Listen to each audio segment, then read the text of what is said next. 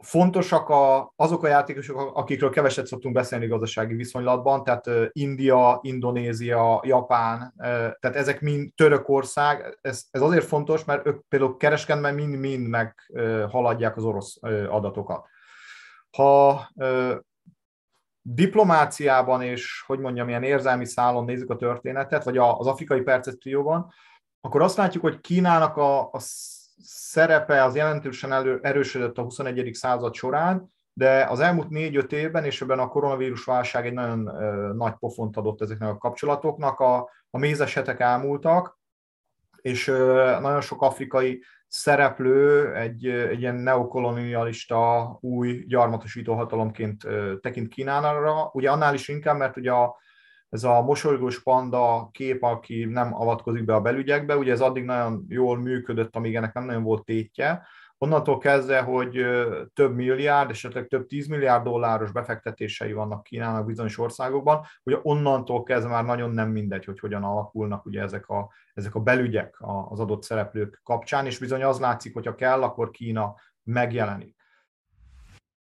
Üdvözlöm Önöket, ez a Hetek Originals, Morvai Péter szerkesztő vagyok, és mai vendégem Marsai Viktor, a Migráció Kutató Intézet igazgatója, a Nemzeti Közszolgálati Egyetem oktatója. Köszönöm, hogy fogadja a hívásunkat.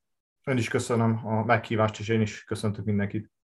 Mai beszélgetésünk az apropóját egy előadás adta, amit a Danube Institute-nak a december elejé nemzetközi konferenciáján hallottam öntől, és ez nagyon megragadt, mert a jelenlegi geopolitikai helyzetnek és az ukrán háborúnak egy olyan aspektusáról volt szó, amelyről nagyon keveset hallani, vagy viszonylag keveset hallani a napi híradásokban, ez pedig a háborúnak az Afrikára, afrikai kontinensre gyakorolt hatása, meg egyáltalán az afrikai kontinens.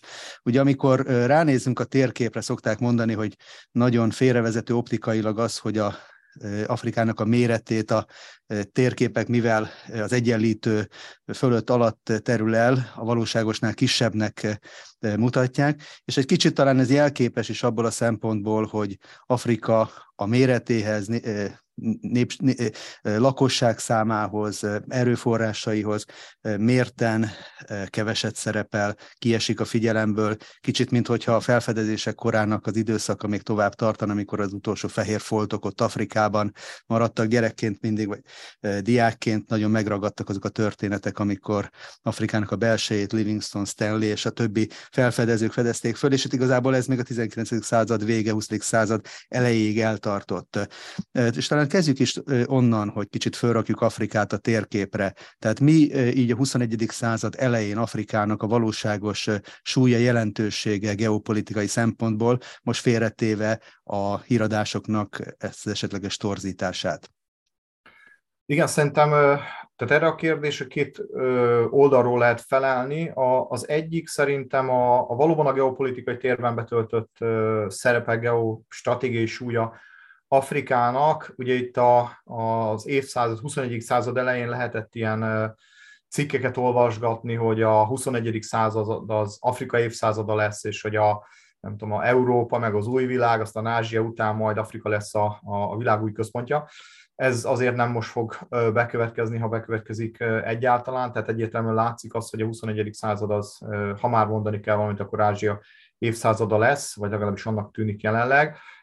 És Afrikának a, a, a súlya a többi kontinenssel összevetve továbbra is jóval mérsékeltebb. Ez azonban nem jelenti azt, hogy a, a pozíciók nem tolódtak el, tehát a, miközben akár 50 évvel ezelőtt is, hát Afrikát nagyon, nem nagyon tartotta számon senki, most az látszik, hogy a, a, az új posztbipoláris világrendben való versengés és az erőközpontok közti versengésben Afrika az egy nagyon fontos játékterepé kezd válni, akár itt visszautalva már a, az ukrajnai orosz inváziónak a, a nagy geopolitikai sakjátszában betöltött szerepére, illetve hogy Afrikában hogyan játszanak a hatalmak. Világosan látszik, hogy egy nagyon komoly vetélkedés zajlik itt, mondjuk így, a nyugati hatalmak, Oroszország és Kína, illetve más játékosok között. Tehát ez így a, talán a külső szemszögből a kontinensnek a pozíciója. Ami szerintem fontosabb egyébként, és aki a kontinensen jár, az érzékelni fogja, az, hogy Afrika maga hogyan változott meg, és hogyan csatlakozik be, bele ebbe a versengésbe egy 30-40 40 évvel ezelőtti állapothoz képest. egy jóval magabiztosabb, jóval céltudatosabb kontinens találunk, ami számos szempontból megtalálta a saját fejlődési útjait, saját válaszait a 21. század kihívásaira, és különösen a, egyébként a koronavírus járvány, és mondjuk a, a 2000-es évforduló közötti 20 évben egy nagyon markáns fejlődést láttunk a, a kontinensen. Ezt azért is fontos elmondani, mert most az elmúlt két év hatásaira inkább a, negatívumokról tudunk beszélni, amit egyébként ugye nem meglepő, hiszen szerte a világban ugye egy óriási válságot látunk, de hogy ezt fontos árnyalnunk, tehát hogy itt, ahogy, ahogy el is hangzott, tehát még itt a 90-es évek, 80-as, 90-es évek Afrika képével találkozunk nagyon sokszor, egyébként nem csak a közélemény, de a, a, akár a döntéshozók kapcsán, amikor itt kis leegyszerűsítéssel ilyen fűszoknyás és kalasnyikovos emberek gyilkolják egymást, nagyon messzire jutott a kontinens ettől a, az állapottól. Még egy kicsit az alapoknál maradva, mennyire jogos egyáltalán Afrikáról, mint egységes világról beszélni. Ugye területileg is egy hatalmas kiterjedésű kontinens, kulturálisan is, éghajlati szempontból. Tehát beszélhetünk Afrikáról úgy, mint Afrikáról? Egyik oldalról nyilván muszáj beszélnünk, mert nem lesz időnk itt az 54, vagy ha az Afrikai Uniós nézzük, 55 afrikai országról külön-külön beszélni. Tehát valamiféleképpen általánosítanunk kell, miközben pontosan tudjuk, hogy Afrika nem egy ország, és hogy, hogy amit elmondott, ez mind, mind, mind igaz de a, megint csak az elmúlt év tizedek fejlődése kapcsán érdemes szerintem aláhúzni, hogy az afrikai integráció, akár gazdasági, még inkább a politikai integráció az elég komoly lépéseket tett előre. Tehát a, az egész Afrika projekt, az egész felszabadítási projektje az afrikaiaknak egy nagyon markáns pánafrikanizmusból táplálkozott, és bár aztán a, a, a parciális érdekek nem tették lehetővé az amerikai Egyesült Államok, a, bocsánat, az afrikai Egyesült Államok kialakulását, ugye az USA volt a nagy modell ezeknek a gondolkodóknak, azért az integrációk rögtön az elején elkezdtek működni, és mind az Afrikai Unió, mint ugye a kontinens egészét lefedő szerv, mint pedig a regionális integrációk, legyen itt szó a Nyugat-Afrika államok gazdasági közösségéről, vagy a, a kelet-afrikai kormányközi fejlesztési hatóságról. Itt, itt jóval szorosabb integrációkat látunk, mint a, a világ más pontjai. Nyilván ezek az Európai Uniónak a, a szintjét nem érték el, de kimondottan ez a, ez a, ez a célkitűzése az afrikai államoknak. És mindezek mellett természetesen óriási különbségeket látunk, a, nem csak országok között, hanem országokon belül. Ugye itt a, még a méretekre visszautalva, ami a felpontban elhangzott, azért a, a, a kedves nézők, hallgatók számára csak egy kicsit így érzékeltessük ezt, hogy valóban mekkorát csalnak a térképek. Tehát a, ugye a kontinensen, mondjuk a, a Kongói Demokratikus Köztársaságban, ugye, vagy nak az Atlanti-óceáni partvidékén, ha, ha elindulunk, ez ki, Európa térképére levetítve, Nyugat-Európa térképére azt jelenti, hogy elindulunk ugye Portugáliában a Szent Vince foktól, és hogy megyünk, megyünk, átmegyünk Portugálián, Spanyolországon, Franciaországon, a Benelux államokon, Németországon, Ausztrián, Svájcon és még Olaszországban is benézünk, és ez még mindig a Kongói Demokratikus Köztársaságnak a területe.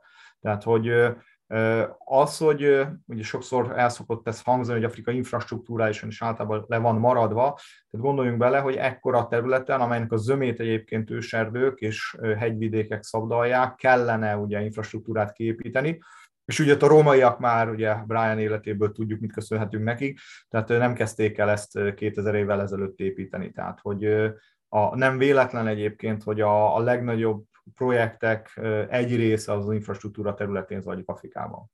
És létezik egyébként Afrika identitás? Tehát mondjuk, hogyha a legutóbbi Katari világbajnokságra visszautalva ugye rendkívüli eredményt ért el a marokkói válogatott, és látjuk, hogy az arab világ az nagyon is magáénak érezte, hogy egységesen a marokkói sikereket. Hasonló volt a helyzet Afrikában is, tehát az afrikai közvélemény is úgy élte meg a marokkói menetelést, mint, mint a kontinensnek a sikerét? Abszolút, sőt, én bevallom őszintén a híradások zömében, meg a, a, a kommentekben is inkább Afrikát hallottam hangsúlyozni, mint, mint az arab ságot ebben. Ugye itt megint van egy érdekes eltolódás, ami minket, a kutatókat talán jobban érdekel, mint a hallgatókat, de azért ez fontos aláhúzni, ugye, hogy a, tehát ez a megosztottság, ugye ez az észak-afrikai arab világ és a, hát a szubszarai térség között, ami hát akár az intézményi struktúrákban, vagy az elnevezésekben is megvan. Tehát ha megnézzük a külügyminisztériumokat, akkor általában külön van a, a Fekete Afrikával foglalkozó csoport, főosztályok és a, az északi, ugye a MENA térséggel, ugye a, Magreb és a, a, a Levantei térséggel külön foglalkozó diplomaták.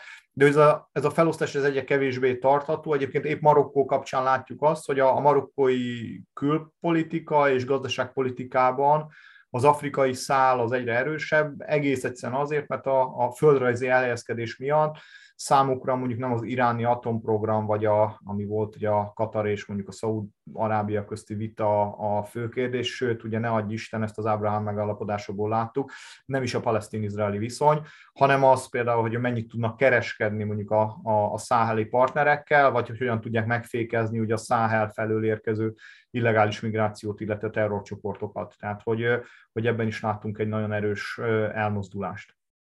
De hogy akkor ne felejtkezzünk el azért a kiinduló pontról az ukrajnai háborúnak a Afrikára gyakorolt hatására. Ugye tíz hónapja, gyakorlatilag pont tíz hónapja tart a háború. Mennyiben érzékelhető ez a kontinensen, és ha igen, akkor milyen területeken jelentkezik a háborúnak a hatása? Igen, ugye a kontinens ugyanazoktól a, a tünetektől szenved, mint amit a világ bármely része, így a, tehát hogy amit mondjuk a, a, a magyar nézők, hallgatók érzékelhetnek az ő mindennapjaikban, a, az inflációtól kezdve ugye az energiár robbanásig, ami mindenbe átgyúrűzik, ugyanez zajlik a kontinensen, ugye két talán markáns különbség van, amit érdemes elő aláhúzni, és ami miatt aztán ugye a, a kontinens sokkal rossz, az afrikai kontinens sokkal rosszabb helyzetben van, mint a világ többi része, bár ebben nincs sajnos egyedül, tehát látunk ugye, Jemen, Afganisztán, tehát sajnos nem, ez, ez nem csak Afrikára, vagy Afrika bizonyos államaira korlátozódik, Ugye az egyik nagyon fontos elem ebben a, ez a, az úgynevezett tökéletes viharnak a, a jelensége, ami, ami Afrikába kulminálódott az elmúlt igazából két évben, amikor ugye olyan strukturális és eseti kihívások adódtak össze, amire, amiből egy hihetetlen mély válság alakult ki a kontinens legtöbb államában.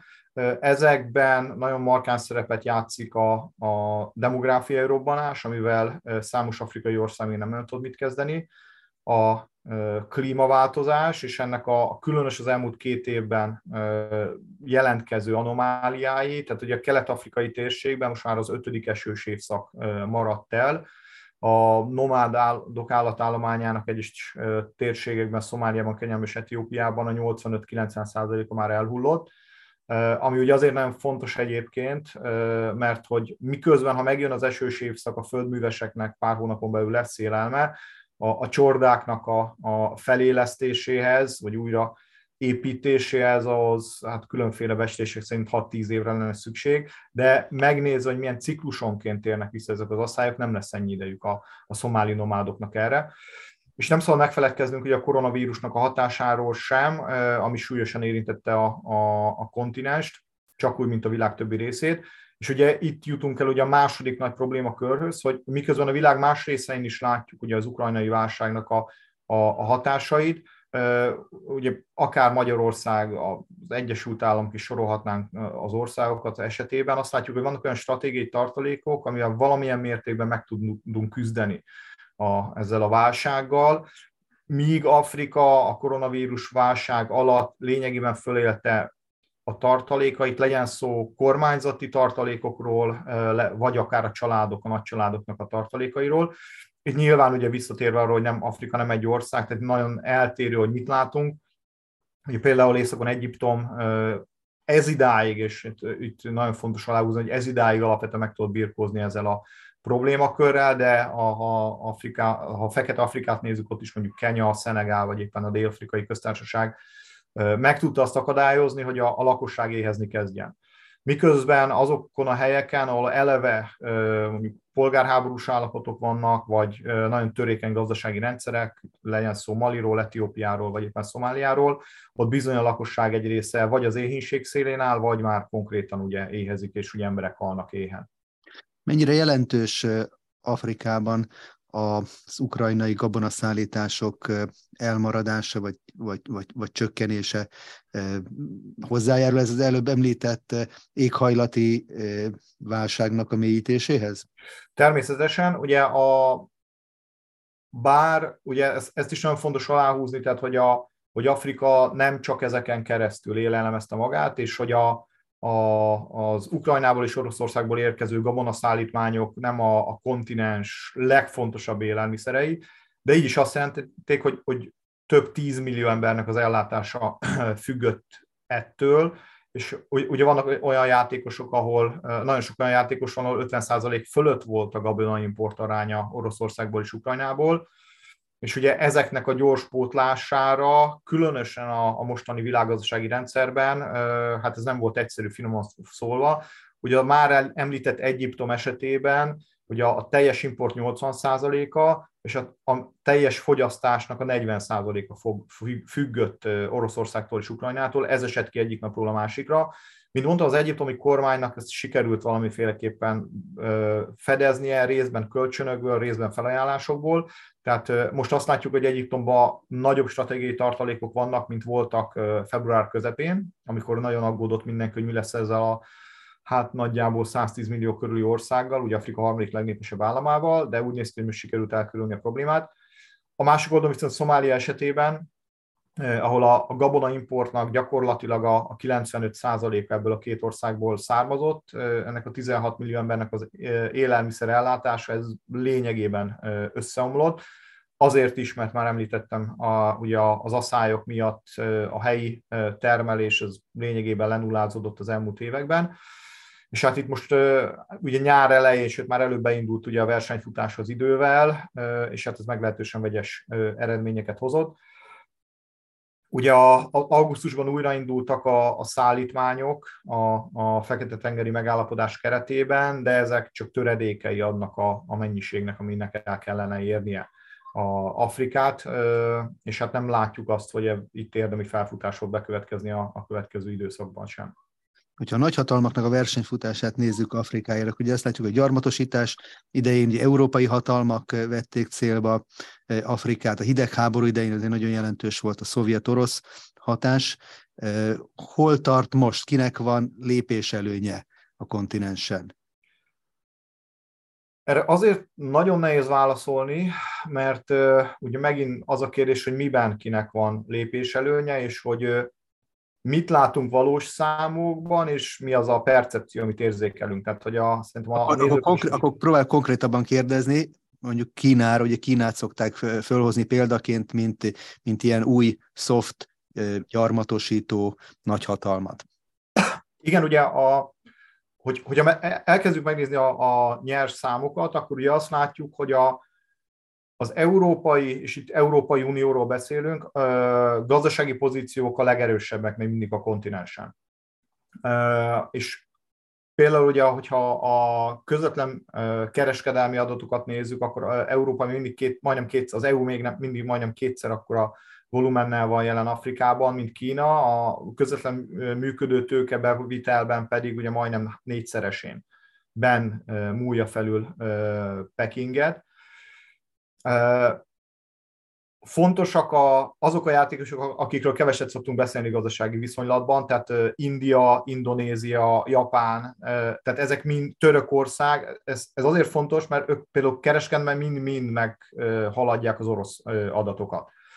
Ha diplomáciában és, hogy mondjam, ilyen érzelmi szálon nézzük a történetet, vagy az afrikai percepcióban, akkor azt látjuk, hogy Kínának a, a szerepe az jelentősen elő, erősödött a 21. század során, de az elmúlt négy-öt évben, és ebben a koronavírus válság egy nagyon nagy pofont adott ezeknek a kapcsolatoknak, a, a mézesetek elmúltak, és nagyon sok afrikai szereplő egy, egy ilyen neokolonialista, új gyarmatosító hatalomként tekint Kínára, ugye annál is inkább, mert ugye a, ez a mosolygós panda kép, aki nem avatkozik be a belügyekbe, ugye ez addig nagyon jól működött, amíg ennek nem nagyon volt tétje, onnantól kezdve, hogy több milliárd, esetleg több tízmilliárd dolláros befektetései vannak Kínának bizonyos országokban, hogy onnantól kezdve már nagyon nem mindegy, hogy hogyan alakulnak ugye ezek a, ezek a belügyek az adott szereplők kapcsán, és bizony az látszik, hogyha kell, akkor Kína megjelenik.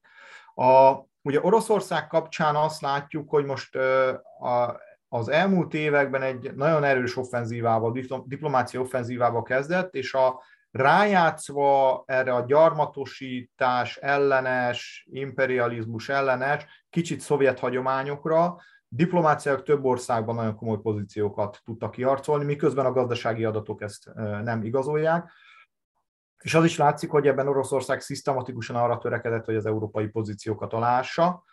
Ugye Maliból gyakorlatilag kiszorították a franciákat, ugyanezt történt a közép-afrikai köztársaságban, nagyon erős pozíciókat építettek el Líbiában, Szudánban vagy Mozambikban, de különösen most az ukrajnai háború árnyékában látszik ennek is a, a korláta, nevezetesen ugye az, hogy azt a gazdasági potenciált, amit például Franciaország föl tudott vonultatni a katonai műveletek mellé a Száhelben, erre Oroszország nem képes, sőt, ugye a katonai potenciálban sem képes jelenleg vetekedni például a franciákkal, értelmszerűen azért, mert ugye a katonai erőforrásait leköti az, ami Ukrajnában zajlik. De narratívák szintjén a, a nyugat nem áll jól, és ugye ezt látszott egyébként ugye az ENSZ-ben megtörténő különböző szavazásokon, hogy a, a, az agressziót még alapvetően nagyon sok afrikai ország elítélte a, a, az ENSZ-es szavazáson, Ugye az emberi jogi tanácsban Oroszországnak a felfüggesztését azt már jóval kevesebben, tehát nagyon komoly diplomáciai eredményeket értek el a, az oroszok. Ugye a, az elmúlt időszakban megint van egy kis elmozdulás egyébként, a kicsit távolodás ugye Oroszországtól, ugye különösen ugye az, ukrajnai, az ukrán katonai sikerek hatására, de, de korán sem egyértelmű, hogy, hogy mit látunk. Tehát ebben a szempontból egyébként, ugye amit szoktak mondani, hogy ugye ismét egy hidegháborúba keveredik a világ, ebből a szempontból adja a mintákat. Afrika nem nincsen egyértelmű elköteleződés a legtöbb szereplő részéről, kivárnak, és ugye várják azt, hogy kvázi ki fog többet fizetni a szereplők részéről, hogy maguk az édesgessék az egyes országokat. És mi a helyzet az Egyesült Államok? Ugye látjuk, hogy a háború kapcsán Európára mennyire megnőtt Washingtonnak a befolyása közvetlenül, és ez, ez, ez érzékelhető. Afrika is ennyire fókuszban van Amerika részéről? Igen, nagyon szépen köszönöm a kérdést, mert ugye pont az USA-t hagytuk ki ebből a geostratégiai átnéz villámkörkéből. Ugye most zajlott a, a az Egyesült Államok és az afrikai államok közti csúcs találkozó Washingtonban pár nappal korábban. A, mondjuk ki nyíltan az USA számára Afrika talán a legjelentéktelenebb kontinens. Ugye a, mindig voltak ilyen felfutások, hogy különösen az Obama érában ugye az Afrika azt várta, hogy hát végre fölkerül Washingtonban a, a térképre, és ugye valóban ugye az első nagy csúcs találkozóra a USA-Afrika csúcs találkozóra az Obama érában került sor, de hogy nem láttuk ennek a, a gyakorlati lecsapódását, különösen azért egyébként, mert a, az amerikai palagáz és palaolajmezők felfedezése után, illetve gazdaságos kitermelési lehetőségek után ez az utolsó bástya is kiesett az afrikai, amerikai gazdasági kapcsolatokból. Korábban az USA nagyon sok kőolajat vásárolt a kontinensről. Így igazából egy téma maradt, ami Washington számára fontos volt, ez a terrorellenes küzdelem. Ez 15-16-17-ben kezdett megváltozni, amikor az amerikai katonai stratégiák elkezdtek rámutogatni arra, hogy hát nagyon jó az, hogy terroristákat kergetünk a bozótba, de hogy valószínűleg a következő évek, évtizedek azok a geostratégiai nagyhatalmi versengés visszatéréséről fognak zajlani. És Amerika elkezdett erre figyelni, az orosz-kínai előretörésre a kontinensen, és ekkor láttunk egy, egy amerikai visszatérést, és ugye a, amikor itt hezitáltam az elején, hogy kinek mekkora befolyása van, tehát mind a mai napig az látszik, hogy az USA nagyon gyorsan tud kivonulni térségekből, föltenni a kezét és azt mondani, hogy köszöni szépen, ebből elég volt. Hát ezt láttuk ugye Afganisztán esetében 2021. augusztusában. De az látszik, hogy az USA 24 órán belül vissza tud térni, amire egyik más, tehát nincs más szereplő, ami képes erre, és hogy Afrika kapcsán mondja két példát erre, ugye az egyik Líbia volt, amikor 14-ben a második polgárháború során az amerikaiak azt mondták, hogy köszönjük szépen, nekik előbukult Líbiából, csinálják, amit akarnak, összepakolták az amerikai nagykövetséget, katonai konvojjal, vadászgép fedezet mellett átmentek Tunéziába, és mosták kezüket. Két év múlva rájöttek arra, hogy a, a hatalmi vákumot az orosz Wagner csoport kezdi el betölteni, ami nem olyan jó nekik, és nagyjából ugyanígy 24 óra alatt az amerikaiak visszatértek. És ugyanezt láttuk Szomáliában, ugye a Donald Trump egyik utolsó rendelete volt, hogy az amerikai erőket, nagyjából 700 ember volt már Szomáliában, kivonta az országból. Most Biden elnök nagyjából három hónappal ezelőtt aláírta az elnöki rendeletet, hogy az amerikaiak térjenek vissza, és hát nagyjából nem 24, de 168 óra alatt az amerikai elők visszatértek Szomáliába, és hogy amennyire drasztikusan változott a biztonsági környezet az amerikai kivonulás után, most azt látjuk, hogy ugyan drasztikusan javul ez a, a kormányzat hatására. Ez nagyon fontos, erre nincs más olyan szereplő a Globuson, aki jelenleg erre képes lenne. És végül akkor talán beszéljünk arról a kérdésről, ami Afrikát és Európát legközvetlenül összeköti, ugye a migráció. Mennyire erősödött meg, vagy gyengült meg a háború alatt a nyomás, az migrációs nyomás Európán, illetve mennyiben változtatta ebben például a helyzetet a, az új olasz kormánynak a hatalomba kerülése? Igen, ugye itt megint érdemes ketté szállazni, szétszállazni két témára a dolgot. Az egyik az, hogy a, a gyakorlatilag az éhezés és az éhínség elől mennyien menekülnek el Afrikán belül. Ugye nem látjuk a számokat, de itt nagyjából 10 milliós tömegekről beszélhetünk. Ők zömében még az országokon belül maradnak, de az elmúlt hónapokban látszik az, hogy elkezdődik az országhatárok átlépése. Ugye például a kenyai Dada menekült táborba, menekült komplexumba, ahol szomálik érkeznek, hogy az elmúlt hónapokban nagyjából 80 ezer ember érkezett újonnan. Tehát megindult a kiáramlás az országokból, de ugye ezek az emberek az Európába vezető útvonalakra még nem tudnak rácsatlakozni, mert egész egyszerűen nincs pénzük erre. Tehát a, ugye csempész hálózatok nagyon komoly összegeket követelnek, ők nem jelentek meg ezekben a számokban. Aki megjelenik, és ez a, ez a második nagy szála, szál ebben a történetben, az az afrikai középosztály, és különösen észak-afrikai középosztály, aki az elmúlt évek tökéletes vihara rának következtében, amit itt említettem az előbb, egész egyszerűen folyamatosan veszít a, az életszínvonalából, azt látja, hogy nem tud egyről a kettőre lépni, hiába végzett egyetemet mondjuk a fiatalok, nem kapnak ennek megfelelő munkát, és ők nagyon sokszor lábbal szavaznak. Ugye, ha megnézzük az idei Frontex adatokat, akkor az látszik, hogy jelentősen nőtt a Tunéziából és Egyiptomból érkezők száma, ugye gyakorlatilag megsokszorozódtak ezek, ami ugye azért hát különösen aggasztó, mert már a tavalyi évben is rekordszámokat láttunk például Tunéziából. Ugye Egyiptomban és Tunéziában is járt láttunk most az elmúlt időszakokban, és ugye az látszik, hogy a, a, a középosztály fiataljainak az öme folyamatos, tehát egyszerűen a, a, a, nem lát más kiutat ebből a, a gazdasági helyzetből, mint hogy elinduljon Európa fele. Ugye Tunéziában már ott tartanak a fiatalok, hogy egyébként nem is mennek csempészhálózatokhoz, hanem nem tudom, összeállnak tizen, vesznek egy csónakot, és akkor elindulnak Európa fele. És hát ugye a, mi azokat a számokat látjuk, akik ugye megjelennek a rendszerben, vagy megtalálja őket az olasz parti őrség, vagy, vagy elérik a, a partokat is jelentkeznek, beadnak menedékkérelmet, de hát ugye a, pont a tunéziaiak közül azt mondták nekünk többen, hogy hát, hogy ők nem, nem, ők nem akarnak beadni menedékkérelmet, mert akkor a végén még kitoloncolják őket, ők pontosan tudják, hova akarnak menni, hol vannak az a tunéziai diaszpora, aki majd alkalmazni fogja őket feketén, tehát itt valószínűleg több tízezer, sőt több százezer ember van, akit nem látunk a, a rendszerben, és hát sajnos nem nagyon látszik az, hogy mitől javulnának ezek a, a számok.